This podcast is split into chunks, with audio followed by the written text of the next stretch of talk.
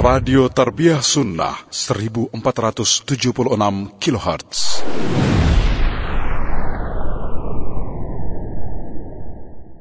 Bismillahirrahmanirrahim. Assalamualaikum warahmatullahi wabarakatuh.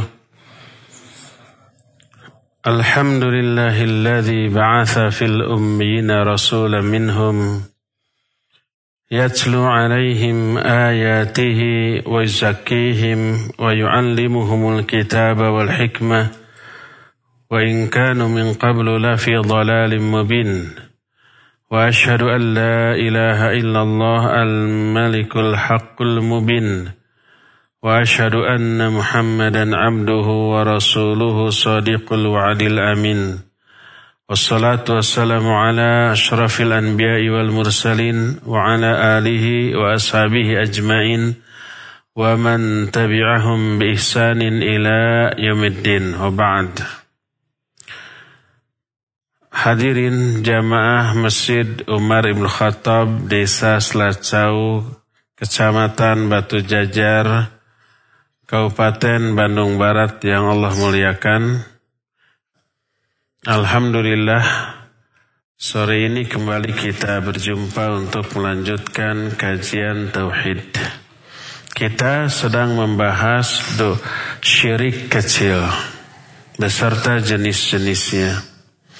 Di antara bentuk syirik kecil yang sudah kita bahas beberapa pertemuan yang lalu adalah syirik dalam hal ucapan termasuk sumpah dengan menyebut nama selain Allah Azza wa Jalla kemudian termasuk ria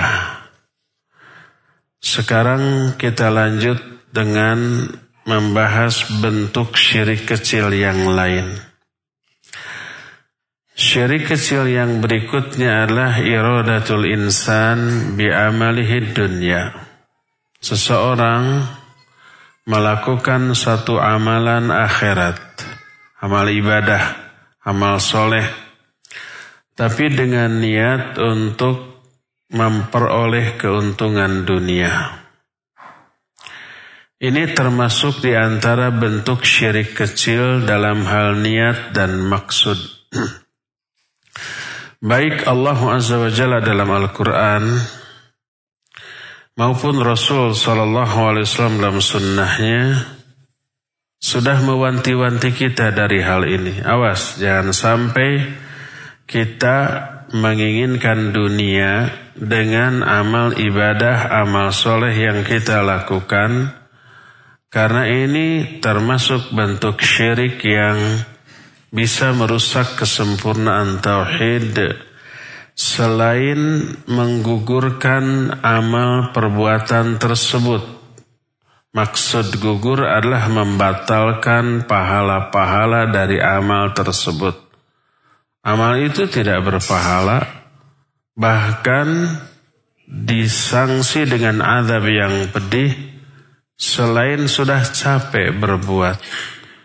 Capek gawe, teka pakai, Barijeng diteke bikin bete. Empat tuh kerugian ya. Tidak eh, capek gawe maknanya sudah capek berbuat. Teka pakai maknanya tidak dipahalai. Barijeng diteke artinya digetok di azab dengan azab yang pedih. Jadi orang yang melakukan syirik kecil Jangan menyangka bahwa kerugian dari syirik kecil yang dilakukan itu hanya ditolak saja amalnya. Kalau begitu nggak rugi nggak untung. Ruginya dikit capek berbuat. Tapi tidak untung. Nah ini mah selain tidak untung juga super rugi karena diazab. Tidak untung karena tidak ada pahala. Oleh Allah ditolak. Allah berfirman, Ana agna syurakai ani syirki. Faman amila amalan asyraka fihi ma'i ghairi, taraktuhu wa syirkahu. Aku adalah zat yang tidak membutuhkan sekutu. paling tidak membutuhkan saingan, nggak mau ada yang menyaingi. Maka siapa orang yang beramal dengan suatu amal soleh, tapi dia menyekutukan aku dalam hal niat dengan yang lainnya, aku tinggalkan dia, aku tinggalkan perbuatan syiriknya. Tidak diterima. Ya. Allah Azza wa Jalla berfirman dalam surah Hud ayat 6 ayat 15 dan ayat 16. Kata Allah, "Man kana yuridul hayata dunya wa zinataha nuwaffi ilaihim a'malahum fiha wa hum fiha la yabkhashun." Ulaika alladhina laysa lahum fil akhirati illa an-nar wa habita ma sana'u fiha wa batilum ma kanu ya'malun. Kata Allah, siapa orang yang menginginkan kehidupan dunia beserta kemewahannya, kesenangannya. Nuwafi ilaihim a'malahum fiha. Kami akan berikan kepada mereka balasan dunia dari amal-amal mereka di dalam kehidupan dunia. Wahum fiha la dan sedikit pun dalam hal itu mereka tidak dirugikan. Lihatlah umpamanya orang kafir. Mereka berusaha keras memperoleh dunia. Dikasih tidak oleh Allah? Dikasih. Baik dunia itu harta, jabatan, kekuasaan, popularitas, dan kesenangan dunia lain. Ada orang kafir yang kaya, kebanyakan yang kaya itu umumnya banyak kafir. Tidak semua memang. Banyak muslim yang kaya dan soleh ada. Ada orang kafir yang berkuasa banyak. Mayoritas orang yang berkuasa di dunia kafir di dunia. Ya. Demikian juga yang populer, yang kaceluk kaun-aun kajana pria. Artinya beken dia. Allah menyatakan nuwafi ilaihim a'malahum fiha. Kami akan berikan kepada mereka hasil dari amal-amal mereka di dunia. Wahum fiha la yubkhasun dan mereka sedikit pun tidak dirugikan. Baik orang kafir ataupun orang muslim. Ada orang muslim yang beramal soleh tapi dengan niat dunia lalu berhasil banyak. Orang umpamanya beribadah dalam bentuk dakwah. Niatnya dunia ingin dibayar dengan dakwahnya. Ingin populer dengan dakwahnya. Lalu dia kaya raya dan terkenal. Ada yang begitu? Banyak. Masang tarif. Dalam kota sekian, luar kota sekian. Kalau enggak, cari yang lain. Dia menginginkan dunia dengan amal soleh yang dilakukan. Dakwah adalah amal soleh. Tapi dia niatkan untuk dunia. Allah menyatakan nuwafi ilaihim a'malahum fiha. Kami akan sempurnakan, kami akan berikan kepada mereka hasil dari amal-amal mereka di dunia. Wahum fiha la yubkhasun dan mereka sedikit pun tidak dirugikan. Tapi apa yang terjadi di akhirat? Ulaika alladzina laisa lahum fil akhirah illa nar. Mereka lah Orang-orang yang tidak memperoleh bagian apa-apa di akhirat kecuali neraka. Wahabitum wahabita sonau batallah atau terhapuskanlah pahala dari apa yang mereka lakukan itu wabatilum makanu ya'malun dan batillah semua yang telah mereka lakukan tersebut.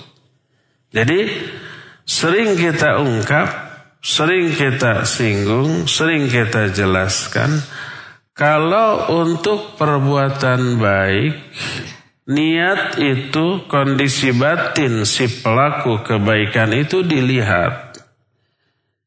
Kalau lahiriahnya bagus tapi batiniahnya buruk ditolak. Batiniahnya buruk contohnya ria. Fawailul lil musallin alladzina hum an salatihim sahun alladzina hum yuraun.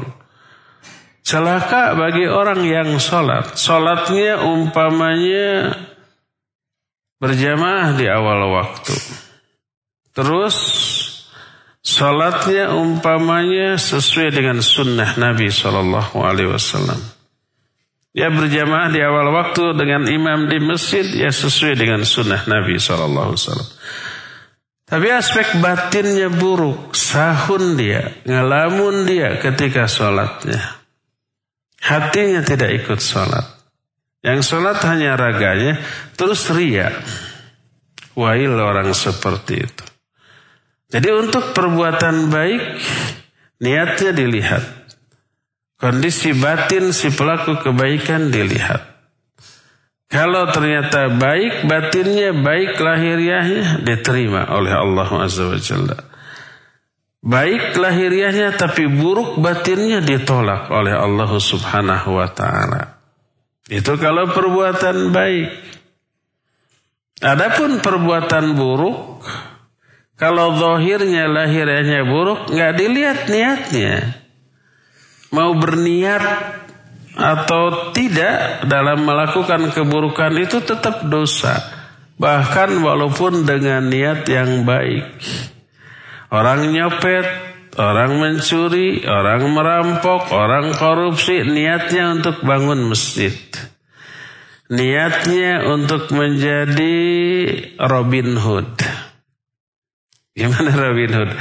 Merampok orang-orang kaya untuk dibagikan ke orang-orang miskin. Niatnya bagus apa tidak? Bagus. Menolong fakir miskin. Agar jurang pemisah si kaya dengan si miskin itu tidak terlalu lebar. Maka diambil uh, harta dari orang kaya dengan cara merampok. Niatnya apa? Untuk dibagikan kepada fukara dan masakin. Tetap saja rampok. Tetap saja kalau orang mencuri dengan niat bangun masjid, tetap saja dia itu pencuri. Tetap saja orang itu copet. Walaupun niatnya bagus. Orang menghina orang lain. Tidak dengan niat. Niatnya mau niat menghina atau tidak. Niatnya walaupun bagus, niatnya memuji. Tapi bentuk perbuatannya me menghina, tetap saja itu hinaan dan dosa. Makanya kalau antum berbuat salah, jangan berkata saya tidak berniat begitu. Udah, salah saja aku saya hilaf. Saya salah, saya keliru, saya keusap setan, saya tobat, saya minta maaf. Jangan ngeles, saya tidak niat begitu, barijeng merasa tidak bersalah.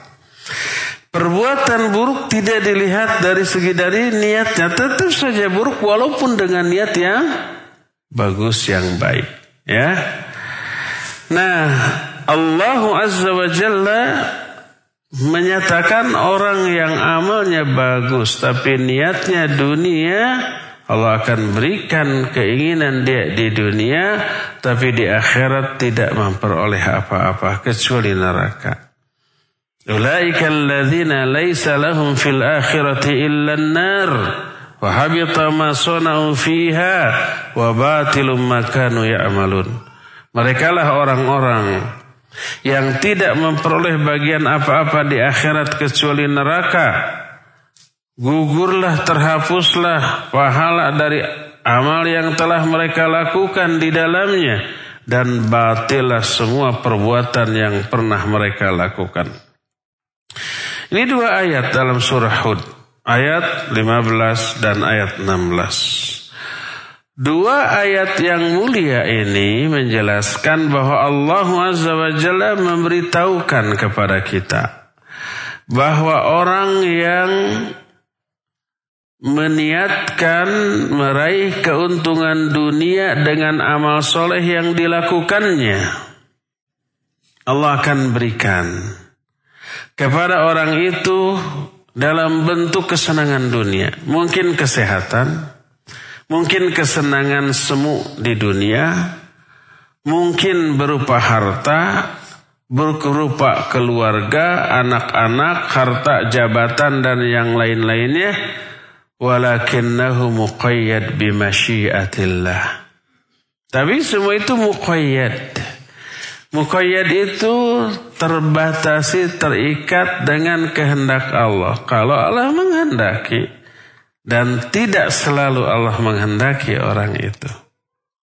Allah berfirman dalam Al-Quran surah Al-Isra ayat 18. Ajjalna lahu fiha ma nasha liman nurid. Kata Allah siapa orang yang minta balasan yang disegerakan di dunia ajalna lahu fiha. Kami segerakan balasan itu bagi orang itu di dunia. Tapi manasya sekehendak kami liman nurid bagi orang yang kami kehendaki. Allah tidak mengatakan mayasya wa liman lima yurid. Tidak.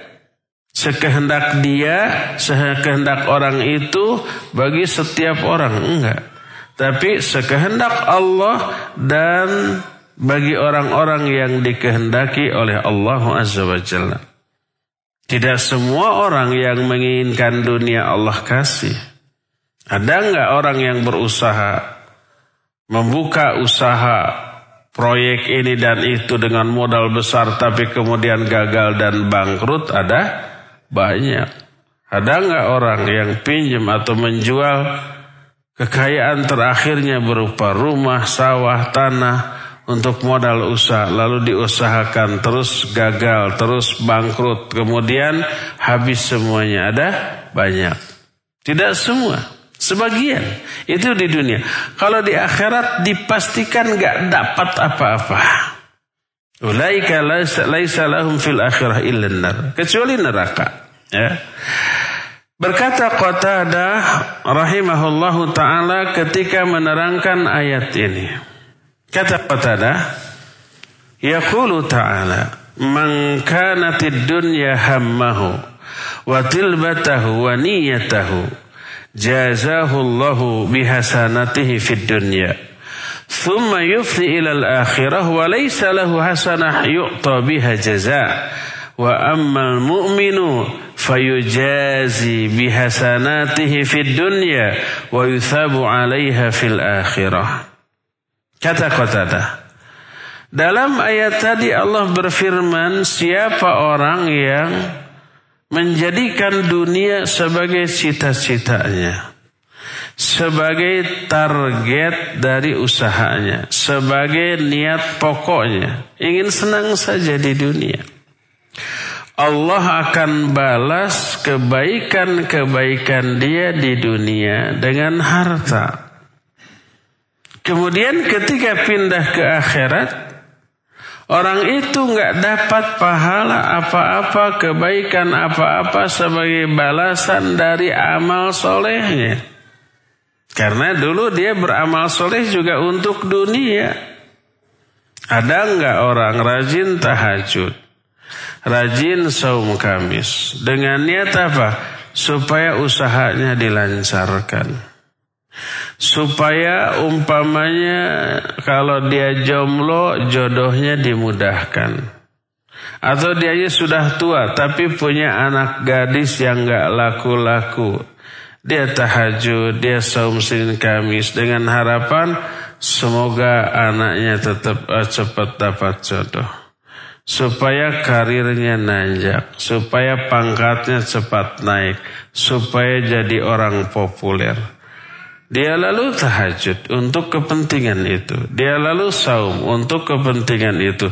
Dia melafalkan wirid-wirid sekian ribu kali dalam semalam dalam semalam dan dia kuat.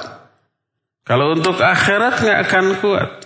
Tapi kalau untuk motivasi dunia dia kuat sepuluh ribu kali mengucapkan la ilaha illallah semalaman.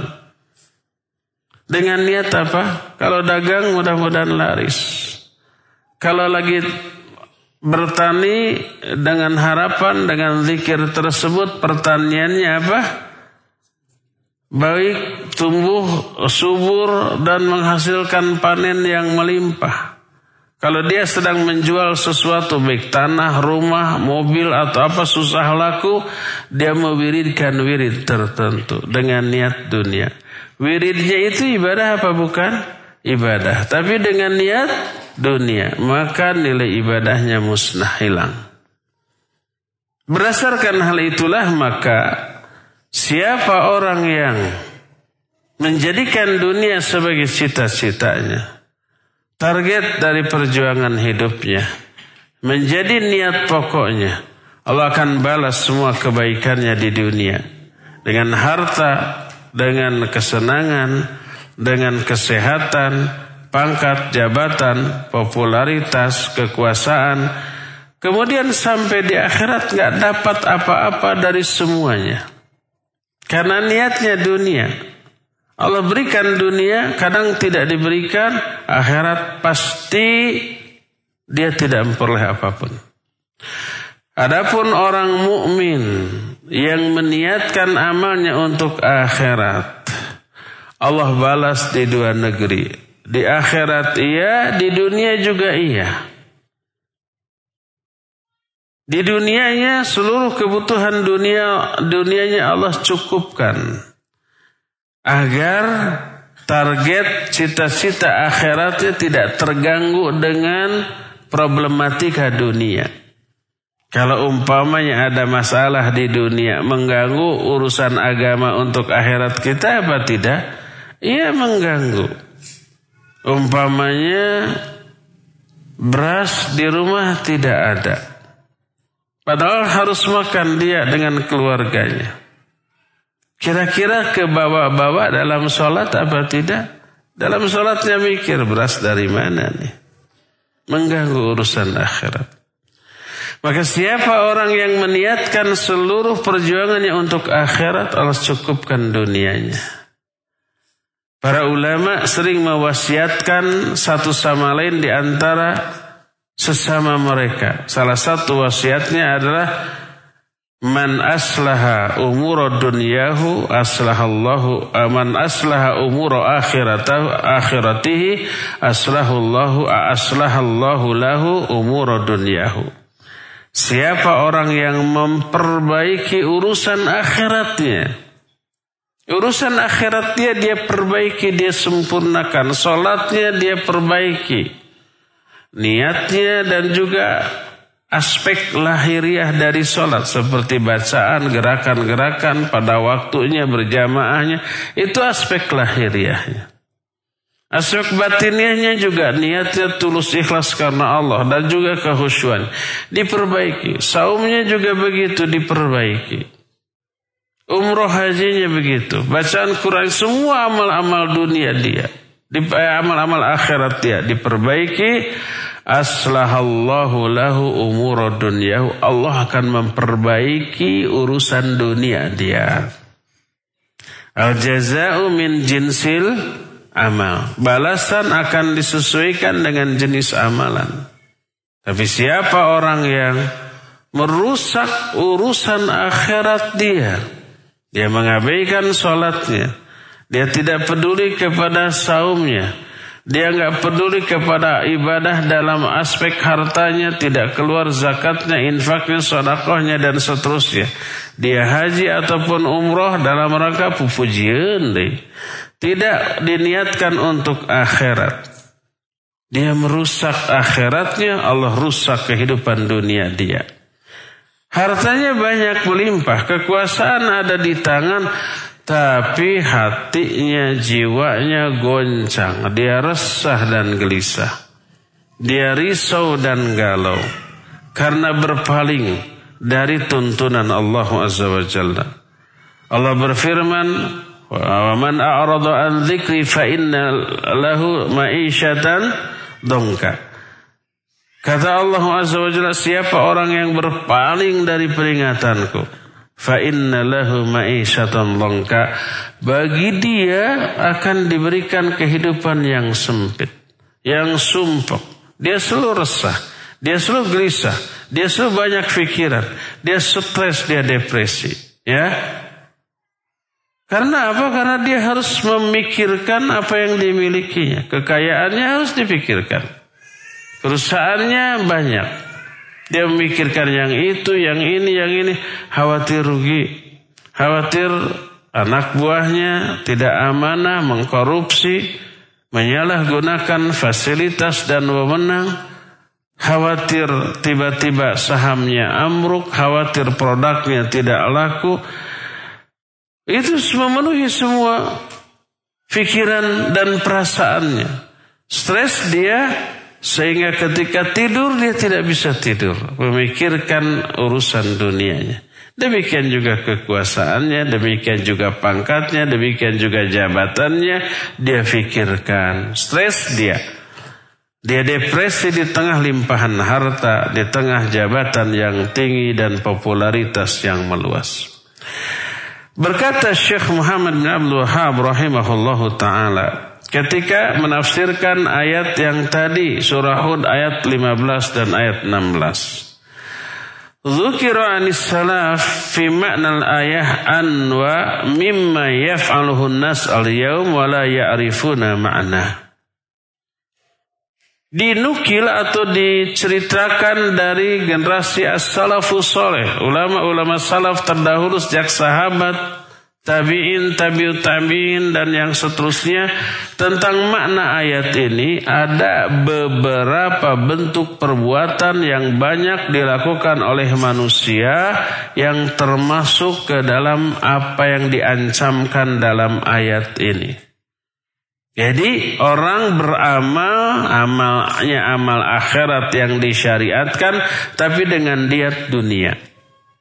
Lalu beliau merinci famin dalika di antara bentuk dari hal itu adalah Al-amal salih alladhi yaf'alhu kathiru minan nas ibtigha'a wajhillahi min sadaqatin wa salatin wa silatin wa ihsanin ilan nas wa tarki dhulmin wa nahwi dhalika mimma yaf'aluhu al-insan au yatsrukahu khalisan lillah lakinnahu la yuridu thawabahu fil akhirah.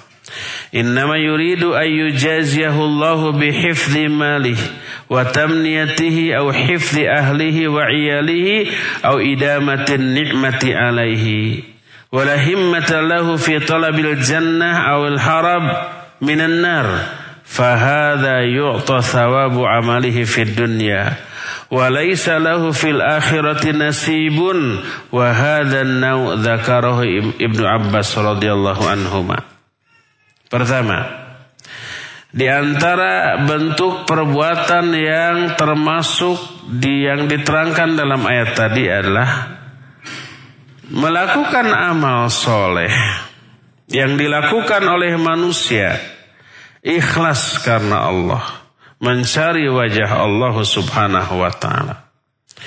Baik berupa sedekah, berupa salat, silaturahmi, berbuat kebaikan kepada sama manusia, tidak berbuat dolim kepada orang lain, dan perbuatan-perbuatan baik lainnya yang dilakukan secara ikhlas untuk Allah tapi dia tidak menginginkan pahala akhirat.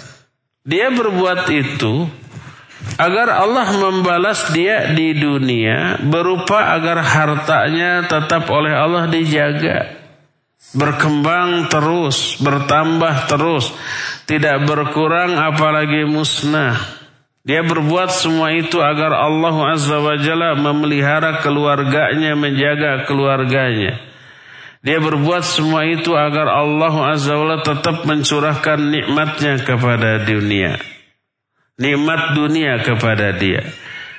Dia tidak meniatkan untuk bahagia di akhirat, untuk mencari surga, untuk diselamatkan dari api neraka.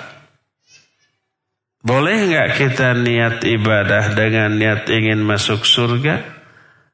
Bukan boleh lagi Allah dan Rasulnya menganjurkan itu. Siapa yang ingin masuk surga dan ingin diselamatkan dari api neraka, hendaklah berbuat begini, begini, begini. Itu banyak, baik ayat maupun hadis. Ayat mengiming-imingi orang dengan surga agar orang itu berbuat amal soleh. Hadis lebih banyak lagi. Ayat dan hadis banyak mengancam orang dari api oleh api neraka kalau berbuat maksiat, dosa dan penyimpangan. Akhirnya orang takut. Takut kalau berbuat begini, takut ke neraka akhirnya ditinggalkan perbuatan haram tadi. Takut kalau tidak sholat, tidak saum, takut dengan azab neraka. Akhirnya dia saum dan sholat dengan niat agar selamat dari api neraka.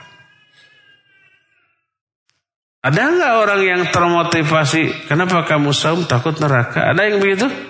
Iya banyak. Nabi SAW mengiming-iming atau mengancam dengan neraka bagi orang yang tidak saum. Nabi SAW mengiming-iming surga bagi orang yang saum. Abu Umamah Al-Bahili radhiyallahu an datang ya Rasulullah dullani ala amalin adkhulu bihil jannah. Wahai Rasulullah tunjukkan kepadaku satu amal yang menyebabkan aku masuk surga. Apa kata beliau? Fa'alaika bisawm la mithlalahu. Kalau begitu kamu harus saum. Kalau mau surga, saum. Saum itu tidak ada bandingannya. La mithlalah. Orang ini termotivasi saum karena ingin masuk surga. Ikhlas nggak itu orang? Ikhlas. Ikhlas itu meniatkan amalan untuk meraih semua yang ada di sisi Allah. Yang Allah janjikan untuk manusia. Apa yang ada di sisi Allah? Ridhonya, rahmatnya, pahalanya, surganya, seluruh kenikmatan yang ada di surga, jaminan keselamatan dari neraka, itu semua yang ada di sisi Allah. Mengharapkan semua itu tidak keluar dari keikhlasan. Tidak bertolak belakang dengan keikhlasan. Ah, baru kalau beramal dengan amal akhirat menginginkan apa yang ada di sisi manusia, ah itu baru tidak ikhlas. Kenapa kamu beramal? Biar dibayar oleh orang. Kenapa kamu beramal? Biar dipuji. Kenapa kamu beramal soleh seperti itu?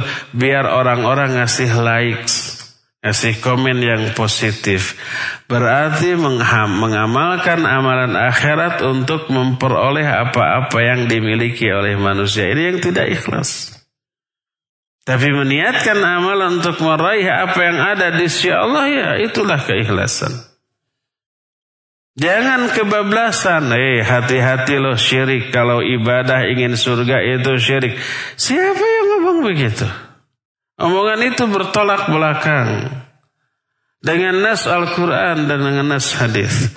Siapa yang beribadah karena takut neraka, awas lo syirik. Siapa yang ngomong begitu? Bertolak belakang omongan orang itu dengan Al-Quranul Karim.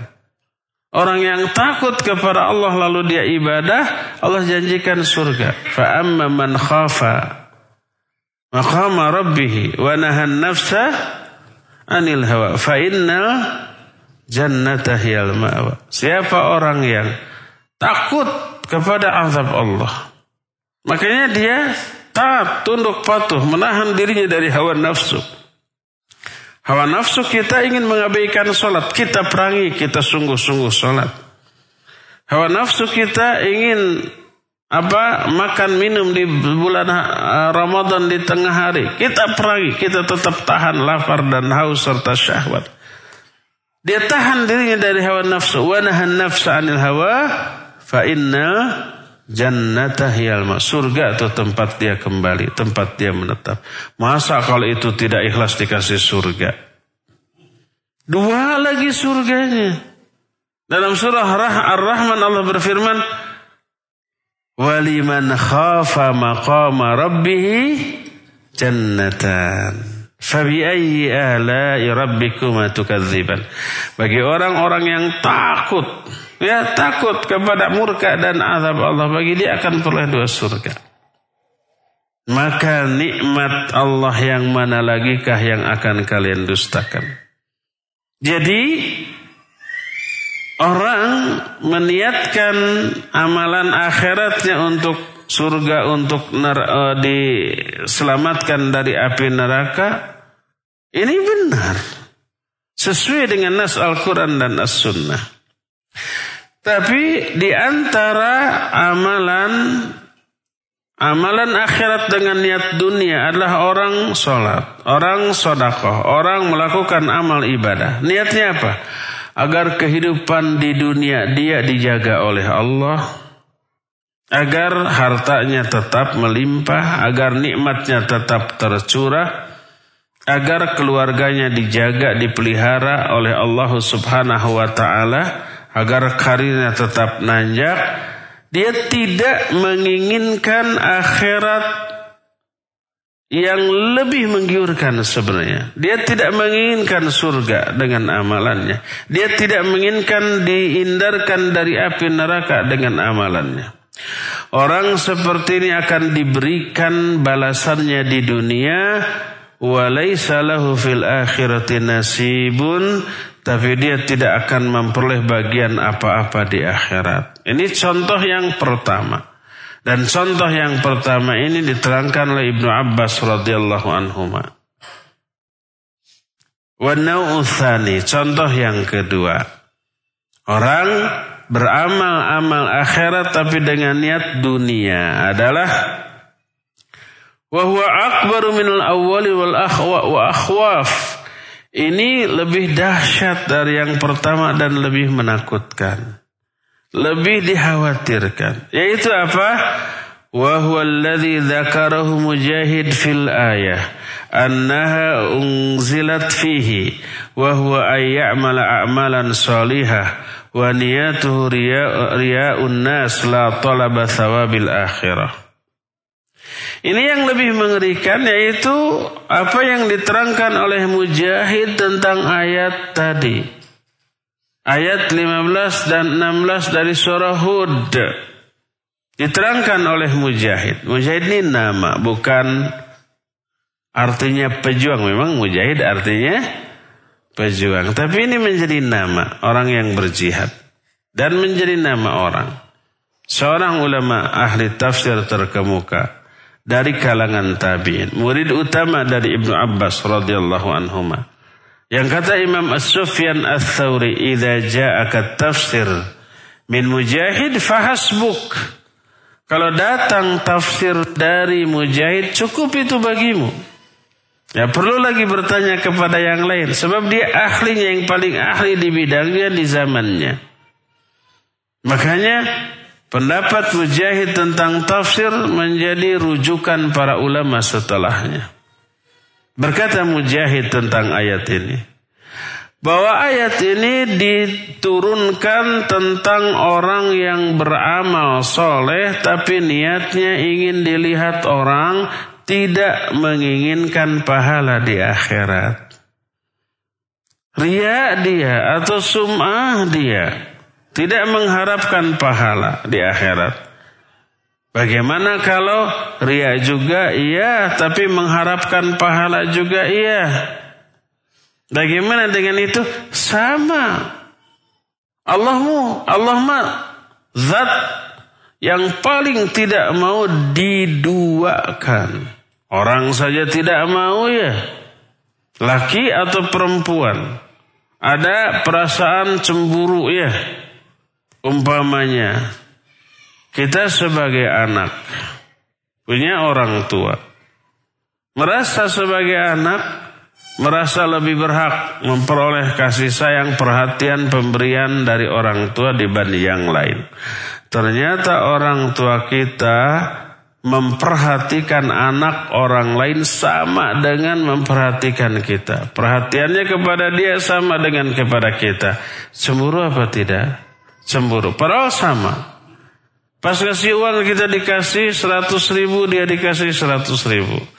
Kita mikir kenapa disamakan, kan saya anaknya, dia mah orang lain, kan gitu ya. Bayangkan kalau dibedakan, kita dikasih 20 ribu, dia dikasih 100 ribu. Gondok apa tidak? Gondok, cemburu diduakan.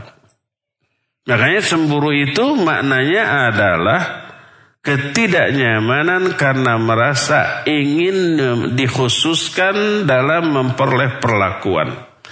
Ketika tidak ada penghususan untuk dirinya, lalu dia merasakan ketidaknyamanan. Itu yang disebut dengan cemburu. Nah, orang saja tidak mau diduakan. Sok akhwat mau nggak diduakan? Amit-amit jabang bayi, ya enggak? Itu manusia, apalagi Allah. Allah tadi berfirman dalam hadis kursi sahih riwayat Imam Muslim, Ana agna syurakai syirki. Aku ini zat yang paling tidak membutuhkan saingan, tidak membutuhkan sekutu. Maka faman amila amalan asyraka fihi ma'i ghairi taraktuhu wa syirkahu. Maka siapa orang yang mengamalkan satu amalan, amal soleh ini, tapi orang itu menduakan aku, menyekutukan aku dalam amalannya dengan yang lain. Dia bagi dua tuh niatnya, ya 90% untukku, untuk Allah, 10% untuk orang, untuk manusia, baik untuk memperoleh pujiannya, memperoleh balasan uang atau yang sejenisnya, itu menduakan aku. Aku tarok tuhu wa Aku tinggalkan dia. Kau tinggalkan perbuatan syirik yang nggak akan diterima. Tetap nggak boleh. Ada ingin dipuji manusia walaupun sedikit satu persen sembilan puluh sembilan persen ingin dibalas oleh Allah enggak kata Allah azza wajalla aku mah sekutu terbaik yang ada di muka bumi sekutu terbaik itu apa ya kalau umpama kita join usaha kita modal 50-50 ya dengan orang lain, tapi kita bilang seluruh keuntungan silakan untuk rekan kerja saya, untuk rekan bisnis saya. Saya emang nggak ngambil se, se sesen pun. Itu sekutu yang terbaik atau tidak? Terbaik. Dia tidak menginginkan apa pun. Diberikan semuanya. Ada partner bisnis yang seperti itu? Kalau ada kasih tahu saya. Saya akan jadikan dia rekan bisnis ya. Dia 80% modal, saya 20% keuntungan semua untuk saya. Dia mangga. Allah itu sekutu terbaik. Siapa orang yang beramal, lalu amalnya dibagi dua, sebagian untuk Allah, sebagian untuk sekutunya, untuk siapa saja, Allah akan berikan semua ibadah itu untuk orang itu dan Allah tidak menginginkan apa pun dari amalan orang itu. Alias ditolak, tidak diterima oleh Allah Subhanahu wa taala, ya. Berdasarkan hal itulah maka orang yang ria adalah orang yang lebih berbahaya daripada yang tadi karena apa? Karena dia menduakan Allah Azza wa Jalla dalam hal niat beramal. Amalnya itu sendiri amalan yang disyariatkan oleh Allah.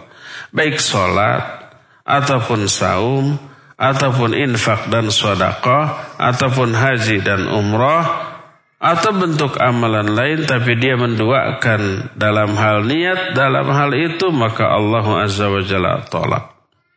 Inilah yang dimaksud dengan siapa orang yang menginginkan kehidupan dunia dan kemewahannya akan kami berikan. Tapi mereka orang-orang yang tak dapat apa-apa di akhirat kecuali neraka. Kata Mujahid maksudnya orang yang riak dalam beramal. Amalnya amalan akhirat. Niatnya sebagian untuk Allah, sebagian untuk dipuji oleh orang lain. Bentuk ketiga an-nau'us salis. Ayya'mala a'malan salihah wa yaqsudu biha malan.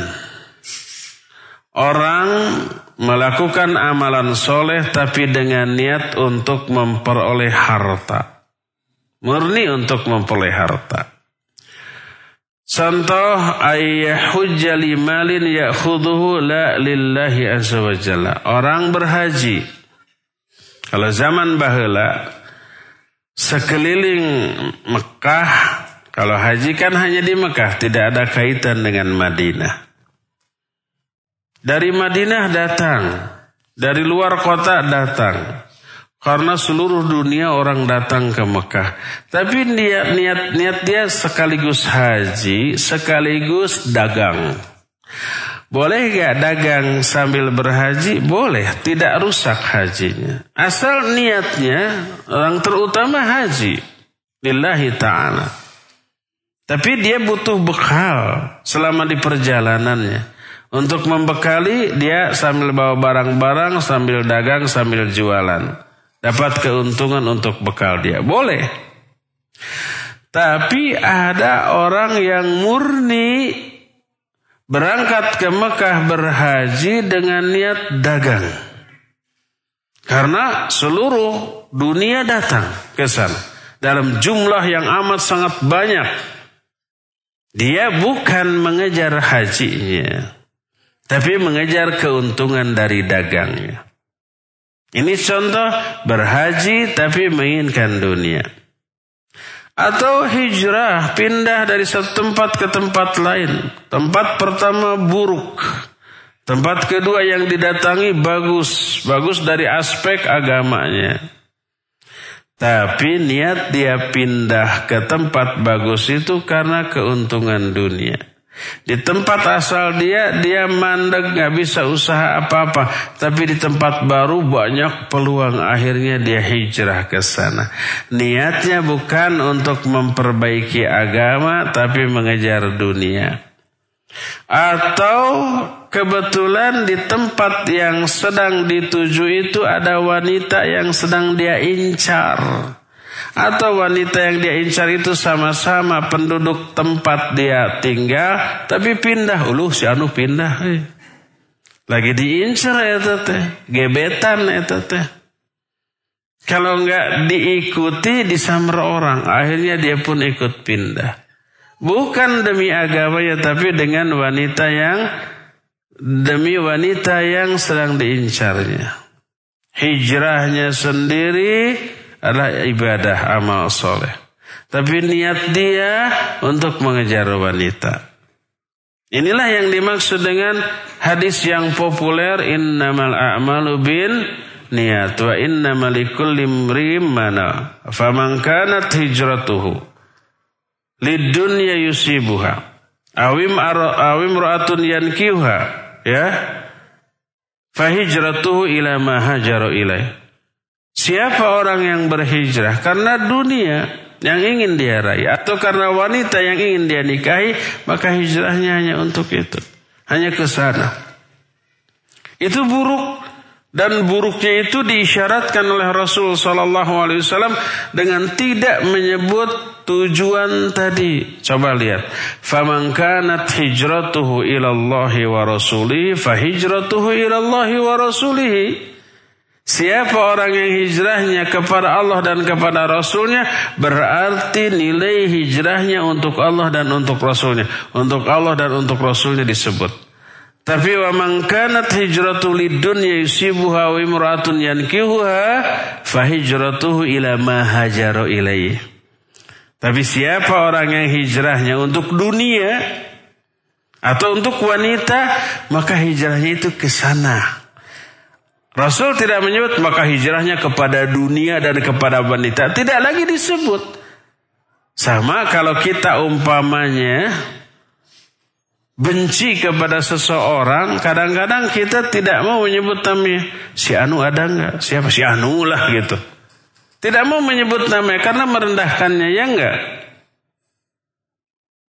Oleh karena itulah maka Nabi SAW tidak menyebut. Karena rendahnya niat dari hijrah karena hal tadi ya. Atau contoh umpamanya orang berjihad berperang. Bukan membela agama Allah tapi untuk memperoleh ghanimah harta rampasan. Wah ini musuhnya kaya kaya lemah lagi eh. sedikit lagi lawan itu. Ah ini melawan enteng empuk kalau kita ikut berperang tidak akan mati deh ngumpet aja di belakang nanti. Tapi pas menang harta rampasan melimpah saya dapat kebagian banyak. Ini juga beramal akhirat, jihad amalan akhirat. Tapi dengan niat untuk memperoleh harta, ya. Nah, inilah yang termasuk salah satu contoh tafsir ayat tadi. Allah berfirman, Man kana yuridul hayata dunya wa zinataha nuwaffi ilaihim a'malahum fiha wa hum fiha la yubkhasun. Siapa orang yang menginginkan dunia dan kemewahannya kami berikan kepada mereka balasan dari amal mereka di dunia dan sedikit pun tidak akan dirugikan. Ulaika alladzina laisa lahum fil akhirah illa nar. Tapi mereka lah orang-orang yang tidak akan memperoleh bagian apa-apa di akhirat kecuali api neraka wal billah. Inilah bentuk yang ketiga beramal akhirat dengan niat dunia. Bentuk keempat, ini parah ini. Apa bentuk yang keempat? أن يعمل بطاعة الله مخلصا في ذلك لله وحده لا شريك له. لكنه على أمل يكفره كفرا يخرج عن الإسلام. مثل اليهود والنصارى إذا عبدوا الله أو تصدقوا أو صاموا ابتغاء وجه الله والدار الآخرة. Keempat, orang mengamalkan ketaatan kepada Allah. Ikhlas dalam hal itu karena Allah. Tidak menyekutukan sesuatu pun. Tidak menyatukan Allah dengan sesuatu pun tapi dengan melakukan amalan-amalan yang membuat dia kufur keluar dari Islam. Seperti amalan-amalan yang dilakukan oleh orang-orang Yahudi. Beribadahnya kepada Allah. Niat ikhlas karena Allah, tapi cara beribadahnya mengadopsi cara ibadah orang lain. Cara ibadah orang Yahudi, cara ibadah orang-orang Nasrani, cara ibadah agama-agama umpamanya Majusi, Hindu, Buddha atau yang lain-lain. Padahal kandungan isi dua kalimat syahadat Asyhadu an la ilaha illallah wa asyhadu anna Muhammadar Rasulullah. Makna asyhadu an la ilaha illallah ibadahnya hanya kepada Allah dan makna wa asyhadu anna Muhammadar Rasulullah ibadah kepada Allahnya dengan cara yang disyariatkan oleh Allah. Dengan cara yang dicontohkan oleh Nabi kita Muhammad sallallahu alaihi wasallam.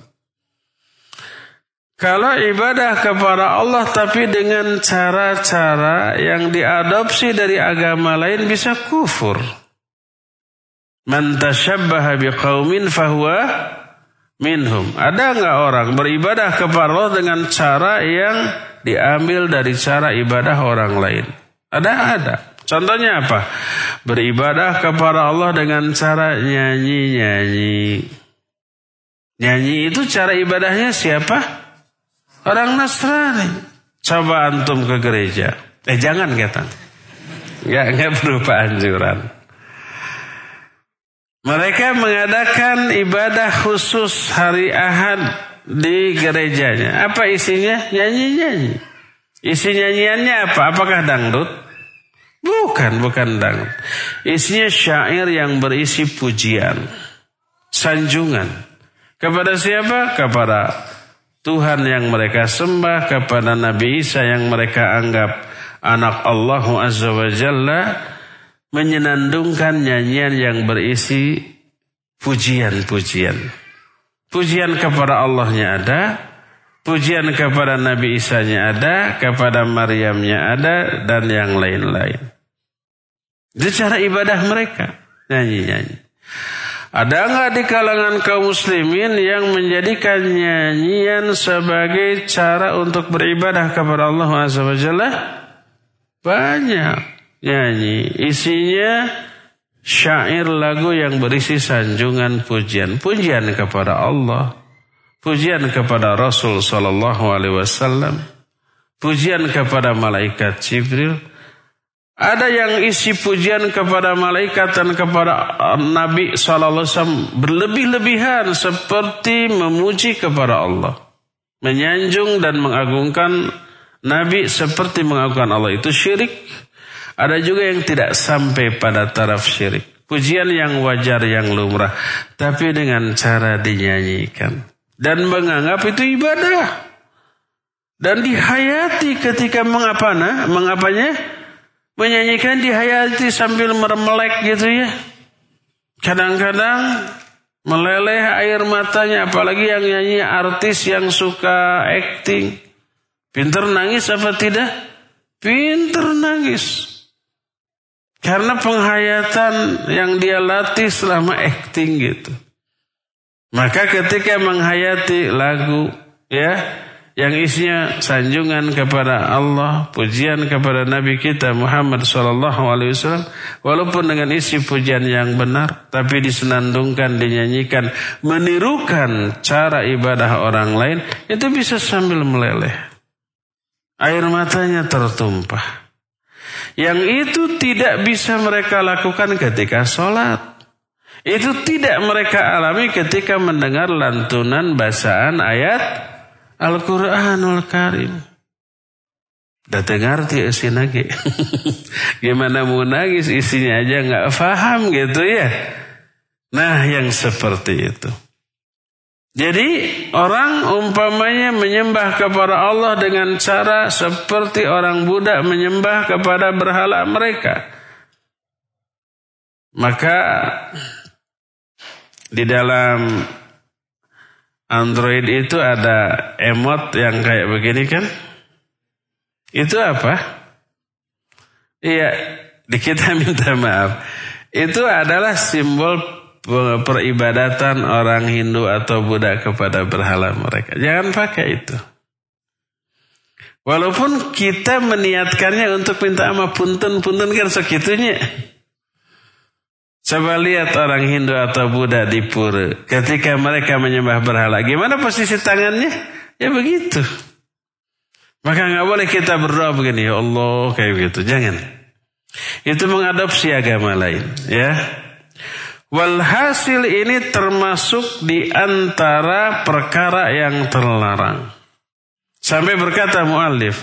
Hafizahullah. Fal amru khatirun yujibu 'alal muslimil hadr min ayatluba bi amal bi amalihi al-akhirah tamad dunya. Ini perkara yang penting, yang amat sangat berbahaya bila diabaikan. Wajib bagi setiap muslim wanti-wanti hati-hati jangan sampai menginginkan dunia dengan amalan akhirat yang dilakukannya. Berkata Rasul sallallahu alaihi wa alihi wasallam dalam hadis yang sahih diriwayatkan oleh Abu dari Abu Hurairah radhiyallahu an. Terdapat dalam kitab Sahih Bukhari. Taisa abdul dinar, taisa abdul dirham, taisa abdul khamisah, taisa abdul khamilah. Idza utiya radiya wa idza lam yu'ta sakhita. Celaka tuh hamba dinar. Celaka hamba dirham. Dinar dan dirham dua-duanya apa? Uang. Dinar uang emas. Dirham uang perak. Ta'isa Abdul Khamisah, Ta'isa Abdul Khamilah. Celaka Abdul Khamisah dan Khamilah. Hamba mode Khamisah, khamilah itu pakaian bagus yang terbuat dari bahan terbaik. Dari wool, dari sutra yang seperti itu. Hamba mode. Celaka hamba-hamba dunia. Makna hamba dunia adalah orang yang menghambakan diri kepada kepentingan dunia dalam arti semua amalan yang dilakukannya hanya mengejar kebahagiaan dunia. Akhiratnya nggak kepikiran kecuali hanya sedikit. Baru mikir akhirat kalau sudah tua, sudah sepuh, sudah banyak penyakitan yang berbahaya. Baru mikir akhirat tuh. Tapi lumayan yang begitu daripada sudah bongkotan, sudah tua, sudah pikun, masih nggak ingat akhirat juga. Itu lebih berbahaya ya. Kata Nabi SAW, celaka hamba dunia. Baik hamba dinar, hamba dirham, hamba mode, hamba pakaian. Pokoknya hamba dari kesenangan dunia. In utiya radiyah. Kalau diberi, diberi dunia. Mereka senang, ridho. Wa ilam yu'ta sahita. Tapi kalau nggak diberi, mereka uring-uringan. Mereka marah.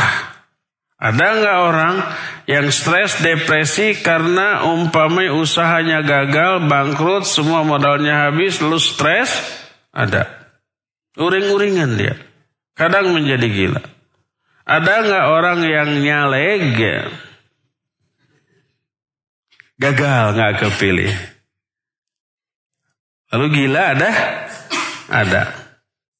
Stres, depresi, keliling-keliling sambil telanjang bulat. Kan ada ya videonya ya. Ya. Atau dia stres histeris menjerit. Dia pingsan. Dia melamun. Dia malu ketemu orang. Dan seterusnya.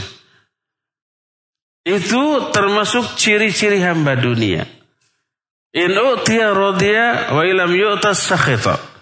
Kalau dia diberi tentang dunia yang dia inginkan, oh dia senang, ridho dia. Kalau nggak diberi ngamuk-ngamuk, dia marah-marah, dia depresi, dia stres, dia uring-uringan.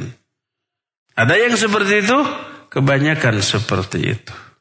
Mengeluh tentang kesulitannya di dunia. Bukan mendekat kepada Allah Azza wa Jalla. Ya, itu semua merupakan contoh dari hamba dunia. Ikhwan dan akhwat sekalian, ini belum selesai bab ini tapi waktunya sudah tidak memungkinkan untuk kita lanjutkan. Kita cukupkan sampai di sini dan kita masih punya sisa waktu untuk bertanya jawab. Bagi ikhwan dipersilakan untuk mengajukan pertanyaan dengan surat ahwat dari atas boleh dijatuhkan ya. Kertasnya bukan ahwatnya, jatuhkan ke bawah.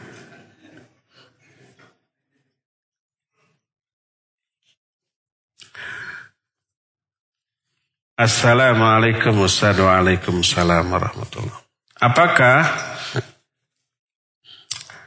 termasuk syirik kecil melakukan puasa karena dalam amalan saum biar sehat apa tidak beradab saat membaca mushaf Al-Quran ditaruh di lantai oh, dua kali ya. Pertanyaan pertama apakah termasuk syirik kecil melakukan puasa karena ingin sehat? Kalau tujuan utamanya begitu ya dia hanya dapat sehat, tidak dapat pahala akhirat. Sehat itu jangan dijadikan tujuan dari saum. Sehat itu bonus. Sehat itu salah satu efek dari saum. Tujuan utamanya lillah. Kenapa kamu saum?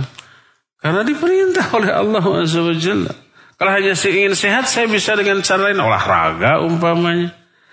Mengkonsumsi makanan-makanan sehat dan menghindari makanan-makanan yang mengandung minyak. Seperti kompor. seperti bala-bala atau nggak buka di dia ya bala-bala. Makanya disebut gorengan. Dah goreng. Jadi sehat itu bonus, jangan dijadikan tujuan ya.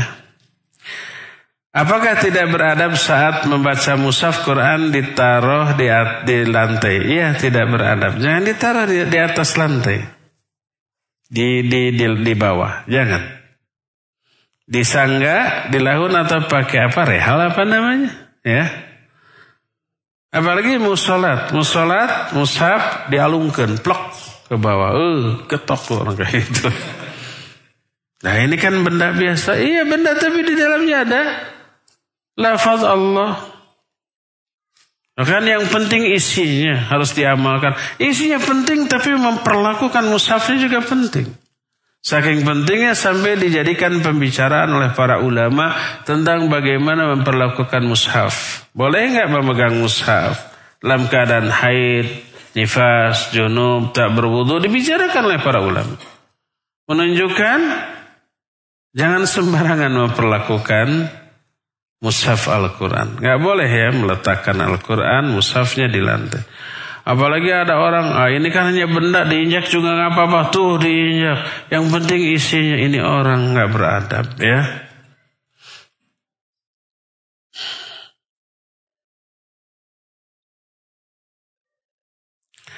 Ustaz saya seorang petani, apakah hukum penggunaan pestisida haram? Haram kalau diminum.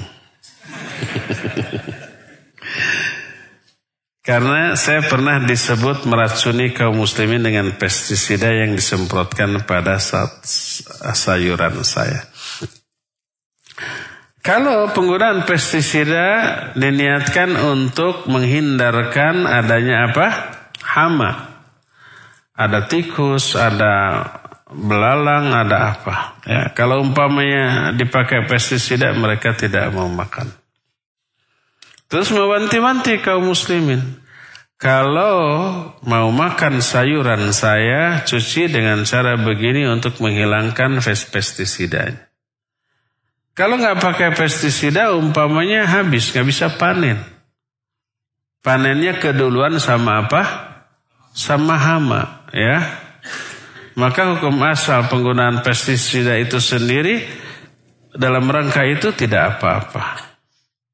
Kecuali kalau nggak aman, nggak ada tikus, nggak ada hama, sebrot pakai. Kenapa? Biar orang-orang mati. Ah iya itu mah dosa ya, tidak boleh.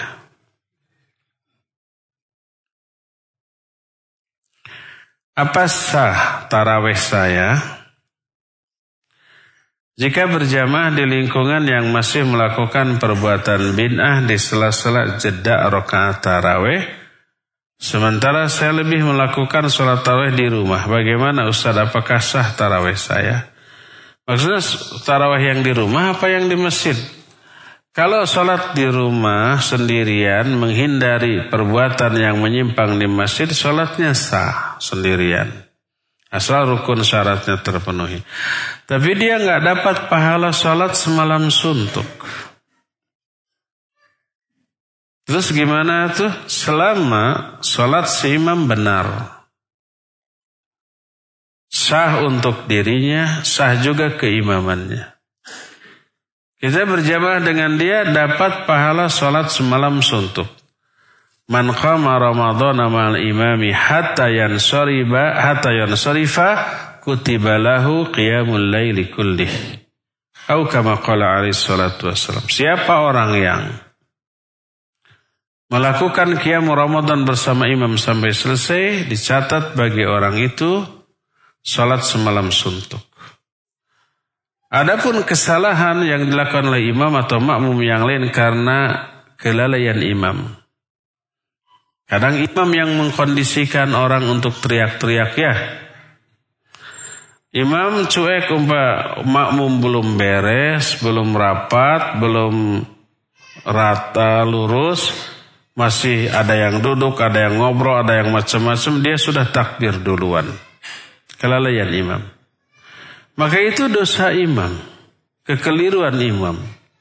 A'immatukum yusalluna alaikum fa idza asabu falakum walahum wa idza akhtau falakum alaihim. Imam itu mengimami, memimpin kalian sholat. Kalau imam benar, pahala bagi imam, pahala bagi kalian. Kalau imam salah, pahala bagi kalian dosa atas imam. Kesalahan imam tidak boleh dijadikan alasan bagi kita untuk tidak mau berjamaah di masjid. Baik sholat fardu ataupun taraweh. Sholatlah bersama imam. Kesalahan imam tanggungan imam. Kita dapat pahala dari sholat kita dan dari ketaatan kita kepada imam dan kita dapat pahala sholat semalam suntuk karena berjamaah sampai selesai bersama imam di masjid. Wallahu a'lam.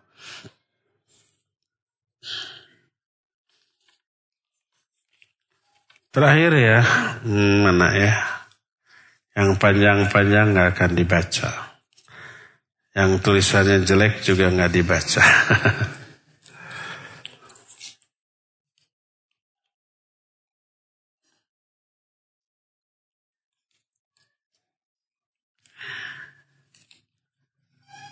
Assalamualaikum Ustaz Waalaikumsalam Izin bertanya Bagaimana hukum seseorang yang mengantar temannya belanja rokok? Ta'awun alal ismi wal udwan. Kerjasama dalam dosa dan permusuhan. Bagaimana ke warung beli rokok? Ikut ikut ikut. Sama nggak dosanya sama dosanya Harusnya saya ngapain? Janganlah, mending beli permen yuk. Atau bakso, seperti itu. Enggak, tetap silakan aja. Antri yuk nggak mau. Kalau nganter saya nanti kebagian dosanya ya.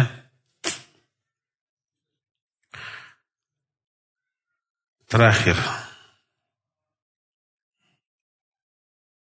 Apakah termasuk hamba dunia orang yang terus-menerus bekerja keras untuk kepentingan dunia? Seperti orang tua yang menyekolahkan anaknya dan e, sibuk mencari harta dan sedikit sekali beribadah kepada Allah. Iya.